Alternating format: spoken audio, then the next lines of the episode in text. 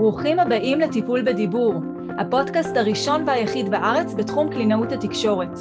אני נועה ברק, אימא לשישה מתוקים, קלינאית תקשורת התפתחותית מאז 2010, מדריכת הורים, מלווה התפתחותית, ויוצרת משחקים טיפוליים ותוכניות לשיפור הדיבור. הפודקאסט עוסק בתחום השפה והדיבור מנקודת מבטה של קלינאית התקשורת, דמויות להורים ולכל מי שנמצא בתקשורת יומיומית עם ילדים. חפשו אותי באתר שלי noabarak.co.il ועקבו אחריי גם ברשתות החברתיות. האזנה נעימה. שלום לכל המאזינות היקרות, נמצאת איתנו היום פרופסור אתי דרומי. פרופסור דרומי היא חוקרת מובילה בעולם בתחום התפתחות הילד בגיל הרך ואינטראקציה בין ילדים ואימהות בשנים הראשונות לחיים. קלינאי תקשורת, בעלת ניסיון רב שנים, מנהלת קליניקת אקורד, קליניקה יועצת ללקויות תקשורת, שפה ודיבור, מרצה עשרות בשנים באוניברסיטת תל אביב בחוג לחינוך מיוחד, ובשנים האחרונות חוקרת ומטפלת בילדים עם אוטיזם. פרופסור דרומי גם מחברת רב המכר אוטיזם מסע להבנת הרצף, פיתחה קורס דיגיטלי להעצמת הורים ואנשי מקצוע שנקרא אוטיזם אחד על אחד, ובנימה אישית, אחת מהקולגות שאני מעריכה במיוחד, ולכן בחרתי לפתוח את הפודקאסט טיפול בדיבור בשיחה איתה.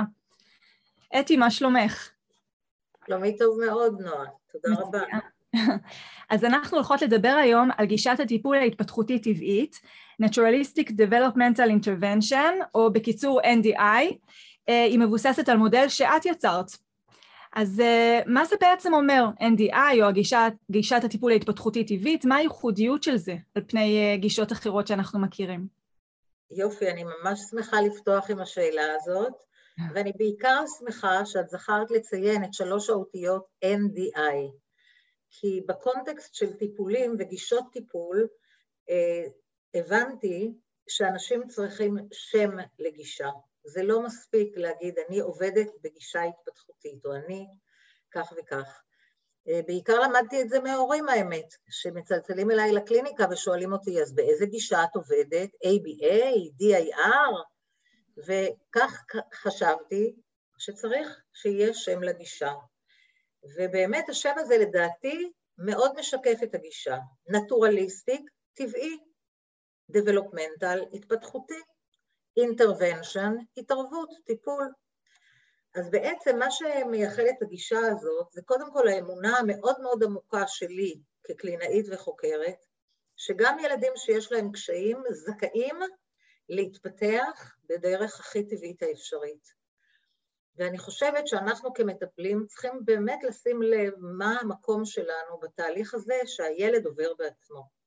כי בעצם אנחנו מקבלים ילד לטיפול, ואנחנו רוצים לעשות את הטוב ביותר שאנחנו יכולים בשבילו ובשביל הוריו, כדי שלמרות הקשיים שלו, הוא יצליח להתקדם. ובאמת הרעיון הזה אה, קרם עור וגידים בפרויקט שעשיתי לפני כ-30 שנה, הוא התחיל ב-1988, זה פרויקט קשר, והמטרה של הפרויקט הזה הייתה לפתח תהליכי אבחון וטיפול עבור תינוקות חרשים. מה שמאפיין תינוקות חרשים זה שבעצם היום, כבר בסמוך ללידה, ההורה מקבל את הבשורה. הילד שלך לא שומע. נשאלת השאלה החשובה מאוד, מה קורה להורה ברגע שהוא מקבל את הבשורה כל כך בסמוך ללידת התינוק, ועדיין לא מכיר את הילד הזה?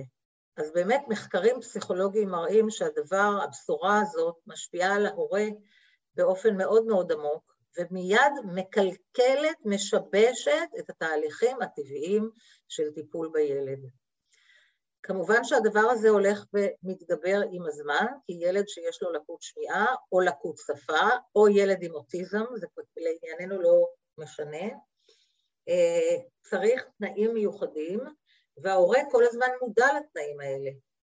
מחקרים על טיפול הראו שאם ההורה יתנהג בצורה הכי טבעית, אפשר לומר באיזשהו מקום, יתעלם מהעובדה שהילד הוא ילד עם קושי, יש לילד הזה סיכוי להתפתח טוב יותר.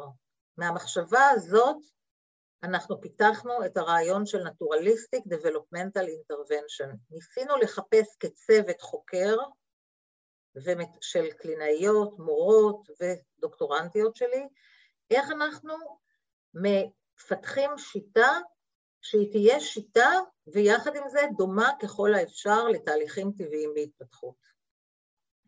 זה כל כך מקסים מה שאת אומרת, זה באמת כל כך חשוב לשמוע את זה, וזה דברים שאנחנו יודעים כהורים, אבל לזכור שילד הוא ילד הוא ילד, גם שיש לו קשיים כאלה או אחרים, בסופו של דבר הבסיס ההתפתחותי או המקום שאליו אנחנו שואפים, הוא, הוא, הוא זה מה, שמנ, מה שבעצם מנחה אותנו בהתפתחות.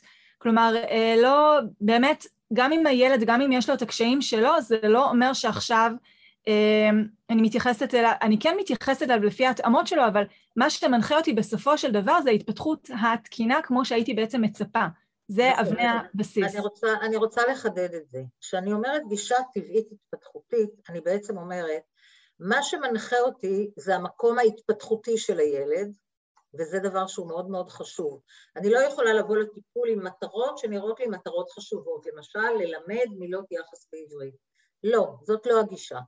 הגישה היא קודם כל לדעת איפה הילד נמצא מבחינה התפתחותית, מה שאומר שקלינאית שרוצה לאמץ את הגישה ההתפתחותית טבעית חייבת לדעת מצוין התפתחות האדם, גם בהיבטים הפסיכולוגיים, גם בהיבטים הרגשיים וגם בהיבטים של תקשורת, שפה ודיבור.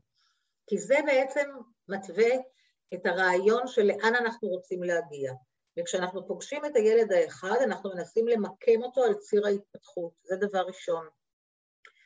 ולפתח תוכנית התערבות על פי, או לבחור מטרות להתערבות, קודם כל על פי המקום ההתפתחותי שהילד הזה נמצא. עכשיו, ילדים עם קשיים מכל סוג שהוא, בדרך כלל לא נמצאים בממוצע שאנחנו מצפים שהם יהיו בו לבני גילם הכרונולוגי. גיל כרונולוגי לא קובע כלום.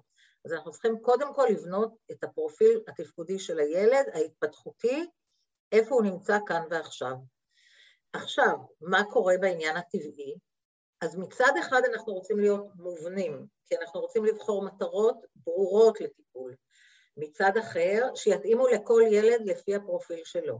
מצד אחר, אנחנו רוצים לאמץ אסטרטגיות טבעיות, ואנחנו רוצים גם שהטיפול יתרחש בכל מקום ובכל זמן.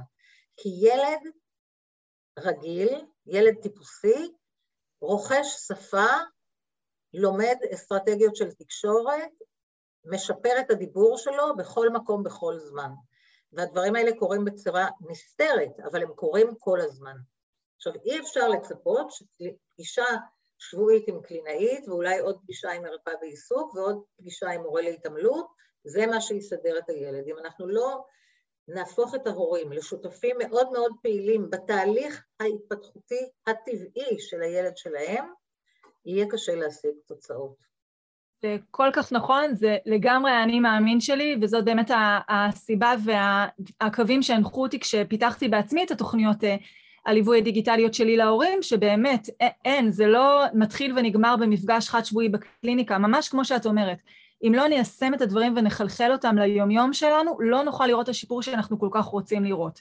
כמובן, מתוך הבנה שאיש המקצוע הוא זה שמנחה את הדרך, והוא בכל זאת יש לו ידע יותר גדול מה צריך ואיך צריך להתמודד בסיטואציות יומיומיות אה, לא צפויות. אבל היישום בפועל הוא חייב להיות גם של ההורים, ולא להסתמך רק על המפגש בקליניקה. לגמרי. אני אגיד לך איזה מטאפורה ויזואלית אני משתמשת כשאני משוחחת עם הורים ומסבירה על הגישה.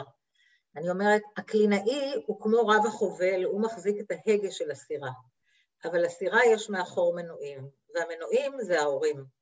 אם אין את הטורבו הזה, שהוא נמצא כל הזמן בטיפול, שהוא מבין את המטרות של הטיפול, שהוא מאמץ לעצמו את האסטרטגיות של הקלינאית, אני חושבת שאחד הדברים החשובים במקצוע שלנו זה שאנחנו פוגשים ילדים לאורך זמן, ובעצם אנחנו מפתחים היכרות עם הילד, ואנחנו גם ערים לשינויים שהילד הזה עובר, שזה לא תמיד הורה שהוא לא למד הפרעות בתקשורת יכול בדיוק לראות.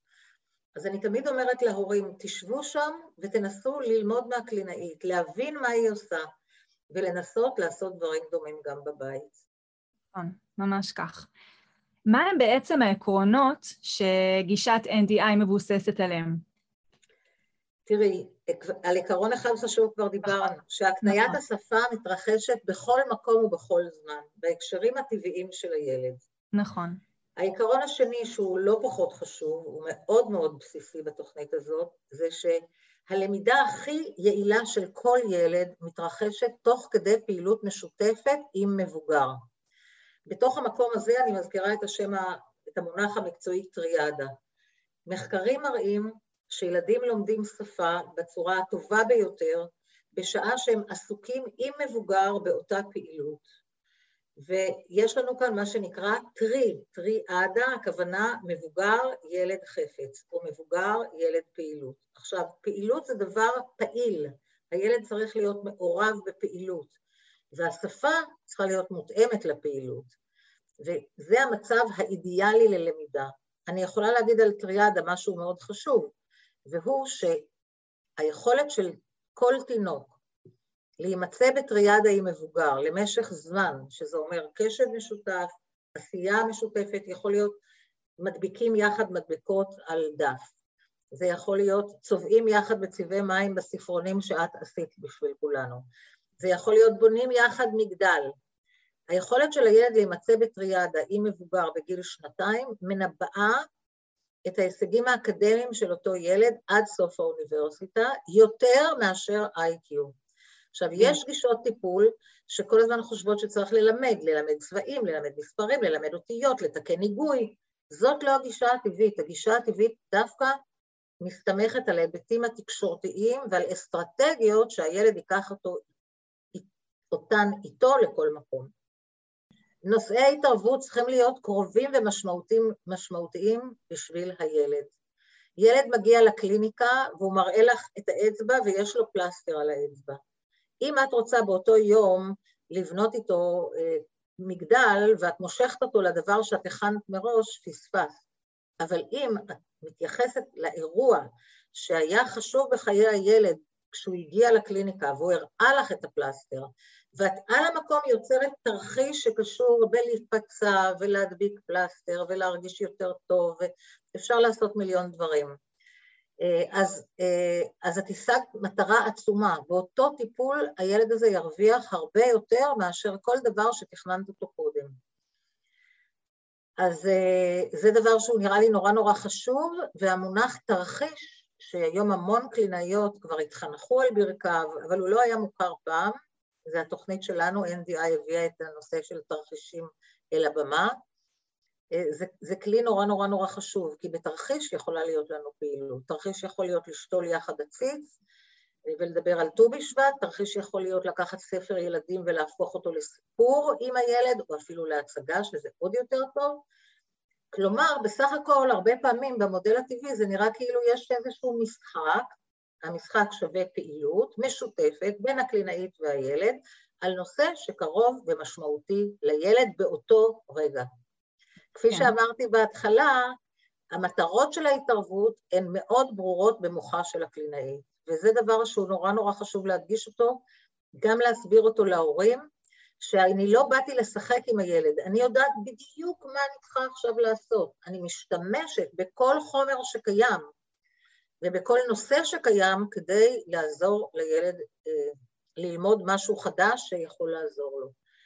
וכמו שאני אמרתי, אנחנו ממש משתדלים שהתהליכים של ההוראה, האסטרטגיות בתוך החדר יהיו דומות לתהליך טבעי שבו מבוגר מלמד ילד. אז למשל, הרחבות. הילד אומר משהו קצר ואת תגידי משהו שהוא טיפה יותר מפותח מבחינה אה, לשונית. אה, אה, פרשנות. הקלינאי חייב להיות כזה שהוא מבין מה הילד אמר גם כשהילד אמר את זה בצורה חלקית. כי הפרשנות שלי תאפשר לילד להמשיך להיות איתי בטריאדה, כן? אה, אני מאוד אה, רוצה להדגיש שבתוך המודל הזה, השיחה זה הדבר החשוב, לא התקינות של הדקדוק. למרות שבאים אלינו בשביל שפה ודיבור, מה שחשוב לנו שיהיה כאן איזשהו turn taking של רעיונות בין הילד והמבוגר, ומאוד מאוד חשוב שזה אחד הדברים שאני בהדרכות שלי של קלינאיות צעירות מאוד מקפידה עליו, וזה צפייה בהתנהגות הילד.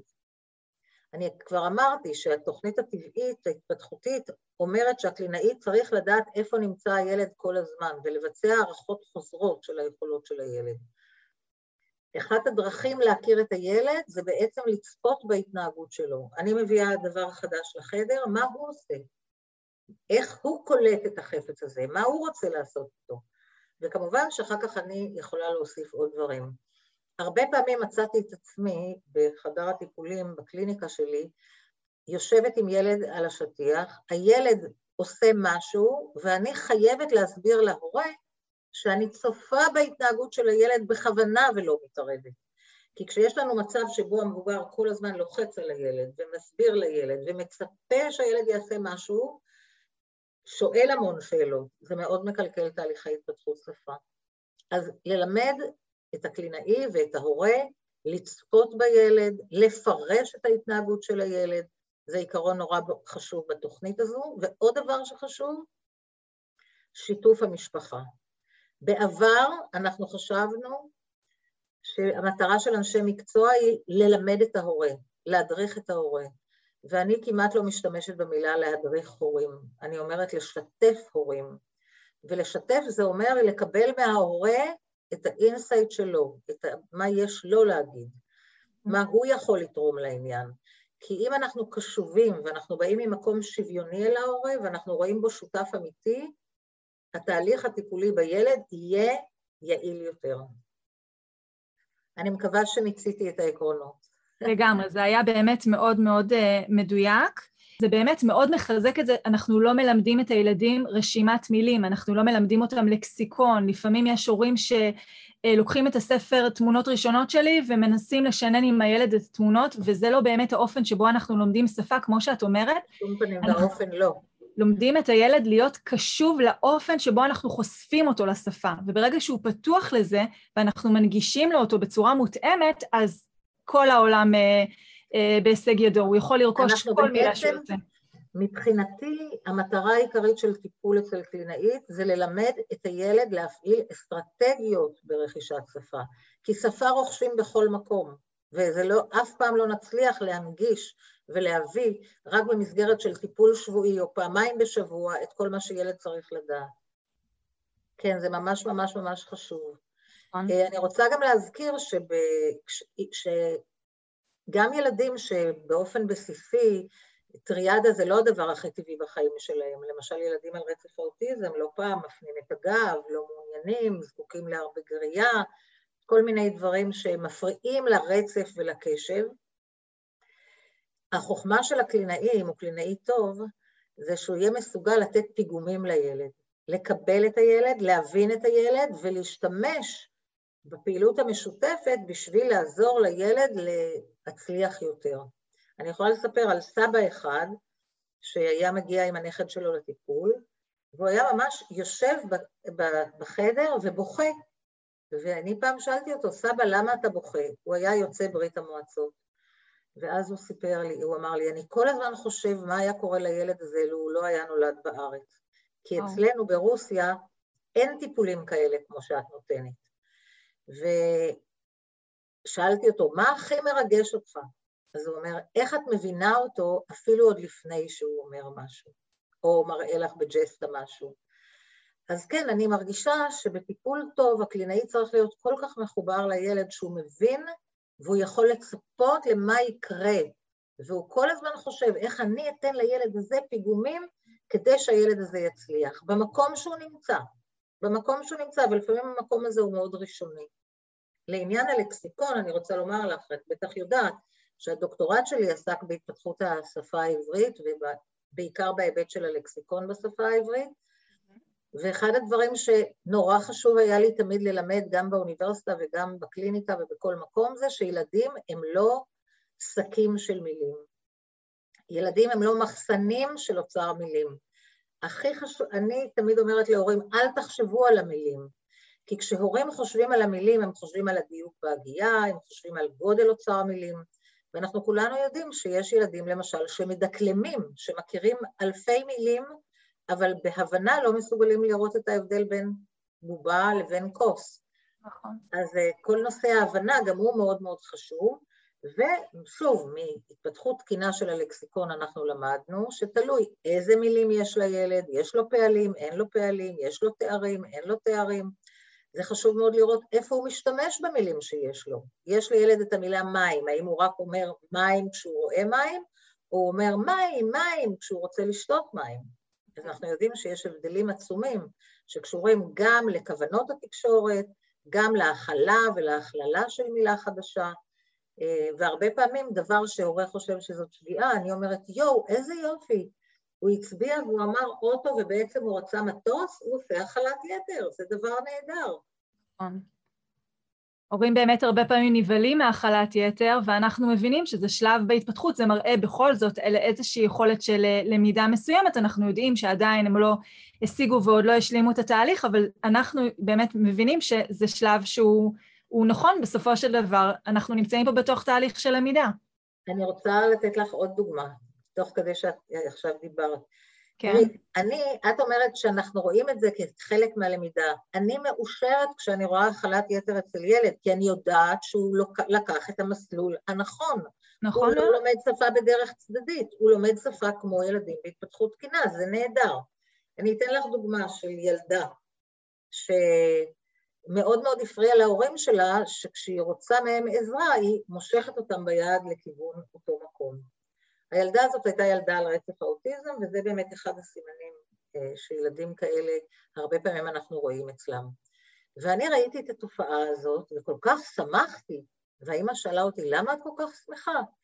ואני אמרתי לה, כי אני רואה את זה גם אצל ילדים בהתפתחות תקינה, וגם אצל ילדים חרשים, לא רק אצל ילדים אוטיסטים, ואפשר להסתכל על התופעה הזאת בשתי צורות. צורה אחת זה הילד משתמש במבוגר ככלי. ככה למדנו פעם. אבל היום אני יודעת מהמחקרים שלי שאפשר להתייחס לזה גם אחרת. הילד רוצה את קרבת המבוגר, ואפשר לקרוא לזה collaboration with adults.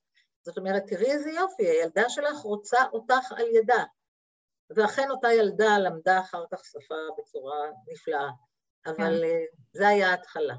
כן. אה, שיטת NDI היא בעצם מאוד מאוד זורמת עם הילד ומעודדת אותו להוביל.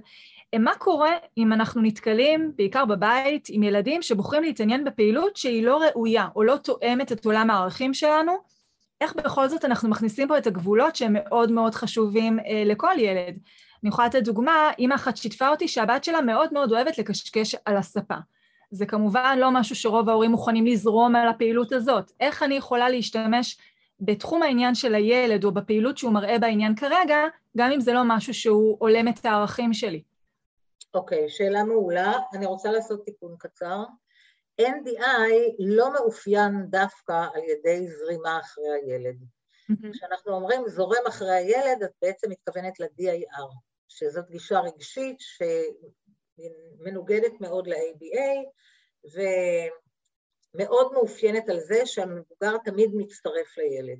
אז אה, דווקא ב-NDI, שאני תמיד רוצה להדגיש שאנחנו שונים מה-DIR במשהו, אמרתי כבר שהקלינאי מגיע עם מטרות, והקלינאי גם הוא אדריכל של מה שיקרה בחדר, לפחות בחדר הטיפולים. אה, וזה נורא נורא חשוב לי. עכשיו, הקלינאי צריך להיות מצד אחד מובנה, ומצד שני מאוד יצירתי.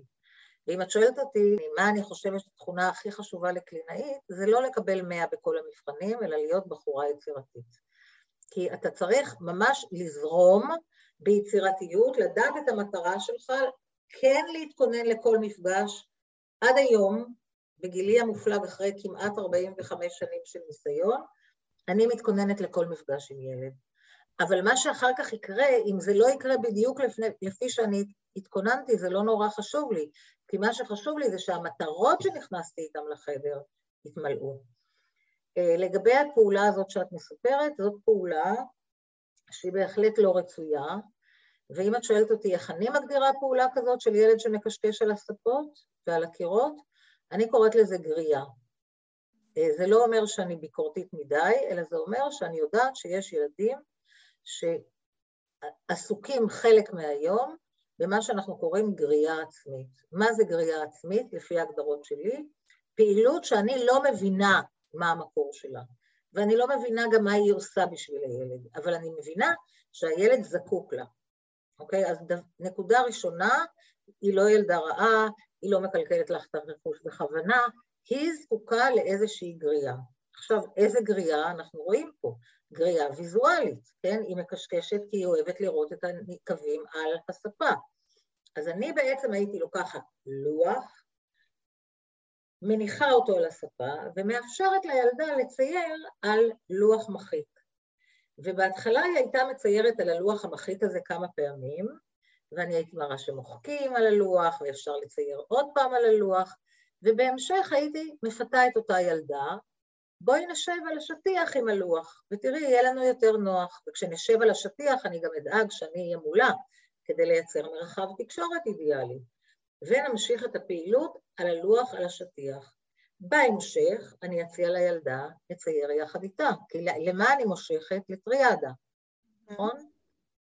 תמיד. בטריאדה, בטריאדה היא תצייר את הפסים שלה, כי עדיין אין לה ציור פיגורטיבי, אולי היא לא סימבולית, אני הרי לא יודעת מי זו הילדה שנתת לי דוגמה עליה. אבל אני אתחיל לצייר דברים שהילדה מכירה. הנה בלון, ואחר כך אולי אני אצייר עיגול ואני אציע לה, את תמשיכי את החוט וכולי וכולי. כלומר, מה עשיתי כאן? לקחתי פעילות שהיא גריעה עצמית והפכתי אותה לפעילות משמעותית. אז ה distinction הזה, ההבחנה הזו, בין פעולה שהיא פעולת גריעה, שהיא בעצם אך ורק מהנה את המוח באופן חושי, לפעולה שהיא פעולה משותפת ומשמעותית, זה צעד ענק, ענק, ענק. עניתי לך? לגמרי, אני לגמרי מתחברת באמת למקום של היצירתיות, ואני רוצה אה, לעודד ולחזק את מי שמקשיבה לנו עכשיו, או מקשיב לנו עכשיו, שמרגיש שהוא פחות יצירתי, שיצירתיות זה משהו שלגמרי אפשר לאמן ולפתח עם הזמן, ו, ובאמת, חינוך ילדים, מי, ש, מי שיצירתי זה, זה בונוס מאוד מאוד גדול, ויש מקרים שזה באמת מאוד הכרחי כדי לפתח אותם. במיוחד שאנחנו רוצים, כמו שאת אומרת, לנווט מהמקום שאנחנו מבינים מה הצורך של הילד, אבל לנווט את זה למקום שיהיה מתאים יותר לצורך או אה, למטרות שלנו. ואז מובן. באמת... אני, אני חושבת שהמילה מובן. אם מובן לי מה הילדה עושה, אז mm-hmm. זה כבר לא גריעה. אם לא מובן לי, זאת גריעה. כן, נכון. אה, באיזה גיל, מאיזה גיל אנחנו יכולים בעצם להשתמש בגישת NDI? בכל גיל. אני חושבת שכבר בינקות אפשר להשתמש בגישת NDI, וידוע לי על קלינאיות שגם עושות את זה, כי שיתוף ההורים בינקות הוא חובה, משחק משותף עם התינוק הוא חובה. אה, אם את אימא קרה שאת עומדת על יד ההריסה ואומרת, אוי, הילדה לא מסתכלת אליי, אוי, הילדה לא מחייכת אליי, ואת לא מכניסה את הילדה הזו לפעילות, זה טעות. אבל אם את למשל מגרה את הילדה לפעילות מוטורית, אנחנו יודעים שפעילות מוטורית זה דבר שמאוד מעודד דיבור והפקות קול וכולי.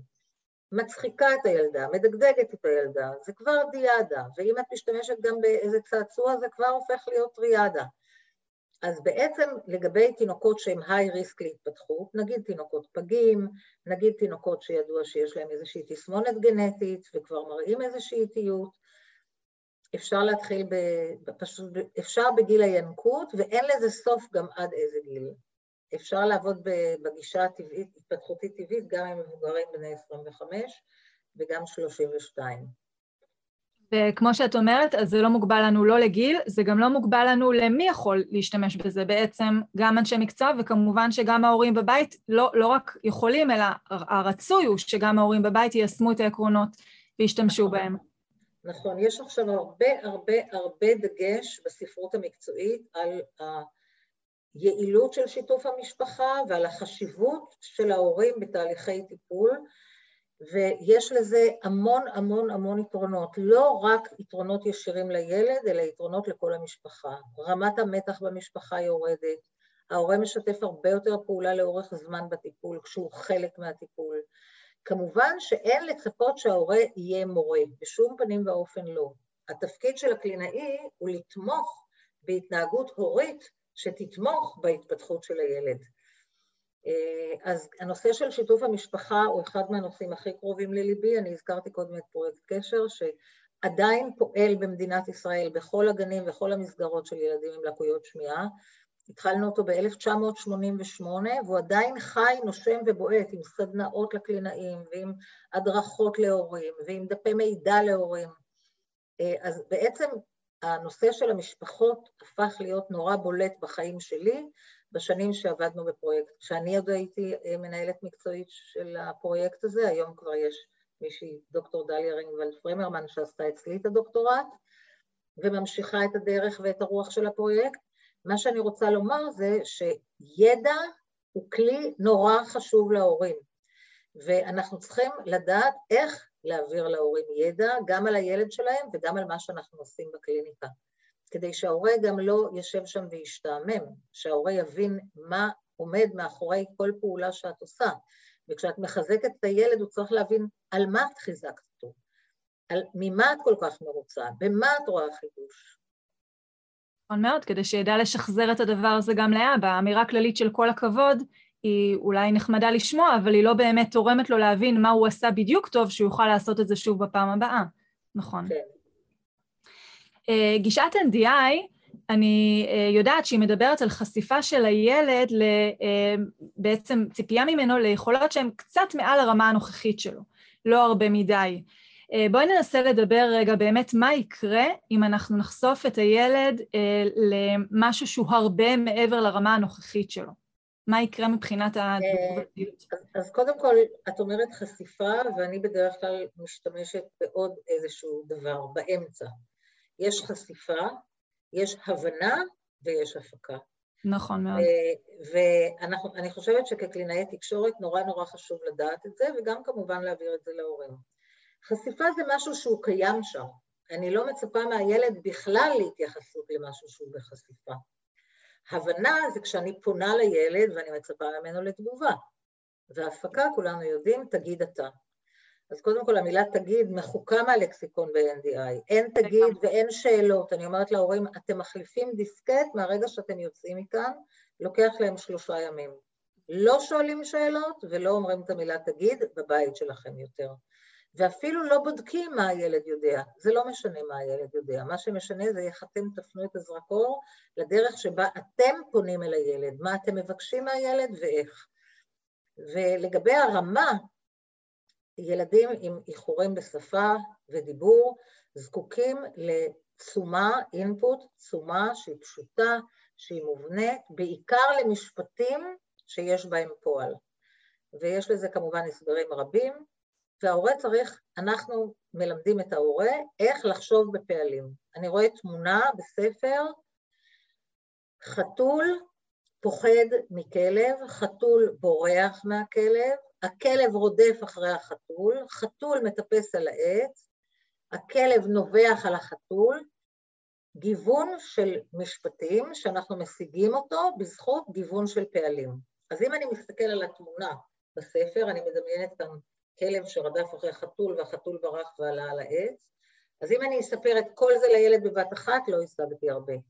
אבל אם בכל הזדמנות שאני מספרת את הספר הזה, וזה ממש חשוב לחזור על אותם ספרים הרבה הרבה, אבל לא לקרוא אותם לילד, אלא כל פעם לספר בצורה אחרת, זה יחדד את ההקשבה של הילד, והילד אז ישמע מגוון רחב של פעלים. נכון, וגם את היצירתיות שלו. כן, יצירתיות וגיוון זה מאוד חשוב. כן. נכון. אה, איך אנחנו בעצם מתנהלים כשמדובר בטיפול קבוצתי, או אפילו הורים שנמצאים בבית ויש ילדים בכמה גילאים, בכמה רמות שפתיות, איך הם יכולים לעשות את, ה, את ההתאמה הזאת? אה, את צודקת, את מעלה כאן ממש שאלה עקרונית ביותר, וכמובן שנתקלנו בזה גם בפרויקט קשר, ואנחנו נתקלים בזה עכשיו, אני עובדת הרבה עם ילדים על הרצף, אז כמובן שקבוצות חברתיות זה אחד הדברים שהוא מאוד שכיח בטיפול הזה. אה, NDI מדבר יותר באמת על ההתאמה של מבוגר לילד. אז מה קורה כשיש יותר מילד בקבוצה? והפעלנו את הפרויקט הזה גם בגנים.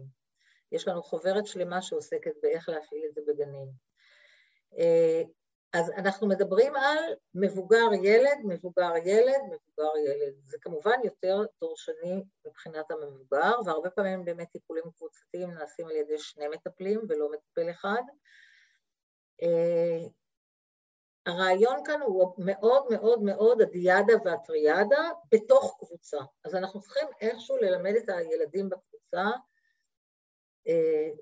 להרגיל אותם לעובדה שהמבוגר יפנה גם אליך, יפנה גם אליך, רואים את זה הרבה פעמים בחוגים לקטנטנים. נגיד שיש בוקר טוב לדני, בוקר טוב לרותי, ואז המבוגר בעצם עם רותי כשהוא אומר לה בוקר טוב. אז זה פחות או יותר הכלל. כמו שאני אמרתי קודם, בגנים שאנחנו הפעלנו NDI, וזה היו גנים של ילדים לקויי שפה, גנים של ילדים עם לקויות שמיעה, גנים של ילדים עם אוטיזם, מה שאנחנו בעצם ראינו, שהילדים נורא נורא מהר מפנימים את הרעיון הזה של חשוב לי נורא הטריאדה עם המבוגר, והם כן ממתינים בסבלנות, זה, זה ממש, ומה שהכי חשוב זה שאנחנו בעצם רוצים שהתוצאה תהיה שהילד ירכוש אסטרטגיה. זה לא חשוב לי באמת אם הוא באותו רגע יגיד משפט תקין או לא, זה חשוב לי שהוא ירכוש אסטרטגיה, ובגישה הזאת אנחנו רואים שהילדים ממש ממש לומדים להקשיב. כמובן גם להקשיב לחברים אם הם גדולים יותר. בדיוק, יש פה את היתרון המשמעותי שאף פעם אנחנו לא חיים בתוך אני והמבוגר, אנחנו חיים בעולם, וחלק מה, אה, מהיכולת לפתח סבלנות ומהאינהיביציה ומהעיכוב של האימפולסיביות ומההבנה של התורות שבעצם יש פה, פעם מדברים איתי ועכשיו תורו לדבר איתו, זה חשוב כחלק תקשורתי לגמרי. נכון, נכון. יפה מאוד. עכשיו אנחנו באמת ככה לקראת סיכום, אז עלו פה נקודות מאוד מאוד חשובות ובסיסיות, באמת אה, אה, המון עקרונות מאוד חשובים שחידדת וציינת לנו. אם היה איזשהו אה, טיפ או, או איזשהו סיכום שהיית ככה נותנת להורים בבית, מה, מה, מה הוא היה? יש לי, אין בעיה. לטפל, לטפל ולטפל, ואף פעם לא להתייאש. כי מה שקורה בתחום שלנו, תקשורת, שפה ודיבור, קורה בתוך הילד. אלה שינויים שמתחוללים בתוך הילד, והם נסתרים מעינינו. הם לא תמיד מדידים, לא תמיד אנחנו יכולים מיד לומר, הוא למד עוד עשר מילים, זה לא הקטע. אנחנו רוצים שיתרחש שינוי שהוא שינוי שמתרחש לאורך זמן. מה שאני למדתי זה שלכל ילד לוקח את הזמן שלו. וכשאנחנו מתחילים טיפול מוקדם, ויש לנו את הסבלנות וההתמדה להמשיך בטיפול, ואנחנו מאמינים במטפלים, זה דבר נורא חשוב, אז בסופו של דבר נקצור את הפירות. לפעמים לוקח שנה או שנתיים לקבל תוצאה רצויה מטיפול. יש לי ילדים שבשנה הראשונה סירבו להיכנס לחדר בכלל וצרכו עד לב שמיים, בשנה השנייה ההורים חשבו שאולי צריך להחליף קלינאית, אז החלפנו קלינאית, כי ההורים רצו והם חייבים להאמין באדם שהם באים אליו, ובשנה השלישית הילד התחיל להפגין משחק סימבולי, שיתוף פעולה עם הקלינאית, שפה עשירה, זה היה מדהים. ואותה אימא באמת, כשהילד שלה סיים את הטיפול, היא נתנה לי מתנת צילום שלו, והיא כתבה לי, לעולם לא לאבד תקווה. על הצילום היא כתבה את זה. זה יש מקסים. אני לא יכולה להראות לה. איזה מקסים. אז אני חושבת שזה המסר הכי הכי חשוב שלי. זה גם מסר שקשור בעובדה שאני עוקבת אחרי חלק מהילדים שאני מטפלת בהם, גם עד גיל בגרות, עד שהם נהיים הורים אפילו. וואו. ופירות של טיפול בגיל הצעיר אנחנו רואים לאורך כל החיים. נכון, לגמרי כך, מקסים. זה מאוד מאוד מאוד, אני מאוד מתחברת, וזה נהדר שאת אומרת את הדברים ככה. הסבלנות, האורך רוח והאמונה וה, בתהליך ובמטפל. נכון מאוד. התמדה, התמדה. אני חושבת שפחות מדי מלמדים אותנו בבית ספר להפרעות בתקשורת כל מיני דברים שהם על יד המקצוע. אה, להיות קלינאית טובה, פה אני פונה לקלינאיות, זה לא רק לדעת מה כתוב בספרים, זה יש עוד הרבה מאוד דברים שקובעים מי קלינאית טובה. ואחד מהדברים זה איך היא מסוגלת לתקשר עם כל זוג הורים שבא, כי כשילד קטן מביאים אותו אלינו, ורצוי שיביאו אותו בגיל צעיר, אז אנחנו בעצם מטפלים בהורים לא פחות מאשר בילד, ואת זה פחות מדי מלמדים. אז למשל בקורס שלי, הקורס הדיגיטלי, שאני נורא ממליצה עליו גם להורים וגם לאנשי מקצוע, אני מקבלת פידבקים, יש כבר מאות תלמידים בקורס הזה, מקבלת פידבקים מעולים, מעולם לא קיבלתי פידבקים כל כך טובים על משהו שעשיתי. פשוט אנשים מברכים אותי ללא סוף. יש לי פרק שלם בקורס על משפחות, על אפיונים של משפחות. כמה חשוב שקלינאיות ידעו מה האפיונים של משפחות שיש בהן ילד עם אוטיזם או ילד עם בעיה אחרת. על איך, איך בכלל מתנהלים בתוך משפחה כשיש ילד עם בעיה. אז יש שם פרק שלם של משפחות, כמובן פרק שלם של תקשורת שפה ודיבור, פרק שלם של אפיוני אוטיזם, ופרק שלם בגישות טיפול, שחלק מהשיעורים הם גם על NDI כמובן. מקסים, לגמרי, לגמרי כלי זהב להורים אה, שיש להם ילדים על הרצף האוטיסטי, ובכלל לכל מטפל שנמצא באינטראקציה עם ילדים שיש להם קשיים תקשורתיים, כן, לגמרי. תודה רבה, אתי. היה לי ממש כיף שהגעת. ואני מאחלת לך, נועה, המון הצלחה עם הפודקאסט. אני אישית חובבת פודקאסטים, אה, להקשיב הכוונה, לעשות כן. עוד לא עשיתי. אה, אני מאוד מעריכה את המאמץ שלך לעשות דבר כזה, ואני חושבת שזאת ממש תרומה גם לאנשי מקצוע וגם להורים. אז תצליחי. תודה רבה. תודה רבה. תודה לך על ההתגייסות. בבקשה. תודה שהאזנתם לעוד פרק בפודקאסט טיפול בדיבור. אל תשכחו להקליק על follow או subscribe כדי לא לפספס את הפרקים הבאים, וכמובן שתפו הלאה והזמינו חברים להאזין. לתכנים נוספים על התפתחות שפה ודיבור, משחקים טיפוליים ייחודיים ושיטות מתקדמות לשיפור הדיבור של הילדים, בקרו באתר שלי noabarak.co.il.